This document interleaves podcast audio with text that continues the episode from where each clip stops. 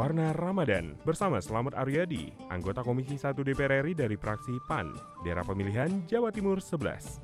Masyarakat Madura itu ketika bulan puasa itu toron, ya kan? Artinya turun pulang ke rumahnya masing-masing untuk berkumpul bersama sanak saudaranya bersama sanak familinya. Itu yang kalau di Madura itu ada sahur bersama selain buka puasa bersama. Jadi kita dari setelah tarawih sampai jam 3 dini hari sampai nunggu subuh ini kebanyakan kita tidak tidur, bukan nongkrong, tetapi kita melakukan silaturahmi dari rumah satunya ke rumah yang lain. Nah, kalau berbicara masalah kearifan lokalnya permainan petasan bambu ini, ini sudah lambat laun mulai terkikis permainan petasan bambu ini. Jadi kalau mengingat pada zaman pada zaman saya masih kecil, karena memang pada zaman itu petasan-petasan yang ala modern ini masih belum ada, kami salah satu inisiatornya untuk melakukan petasan keliling desa ke desa sambil main sepedaan, mengayuh sepeda sambil main petasan. Dari pagi sampai sore itu sampai lupa kita mau pulang.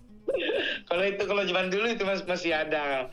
Masih ada. Nggak tahu kalau zaman sekarang ini anak-anak muda zaman sekarang anak-anak generasi apa milenial ataupun generasi Z ini kayaknya sudah sudah tidak zamannya lagi pandemi ini kita berharap kita untuk selalu mematuhi protokol kesehatan. Selanjutnya mudah-mudahan kita selaku umat Islam, selaku Muslim, ke depannya mudah-mudahan bulan puasa ini adalah titik awal kita untuk terus merajut kebersamaan, untuk terus menjalin persaudaraan tanpa harus saling bermusuhan. Warna Ramadan bersama Selamat Aryadi, Produksi TV dan Radio Parlemen. Biro Pemberitaan Parlemen Sekjen DPR RI.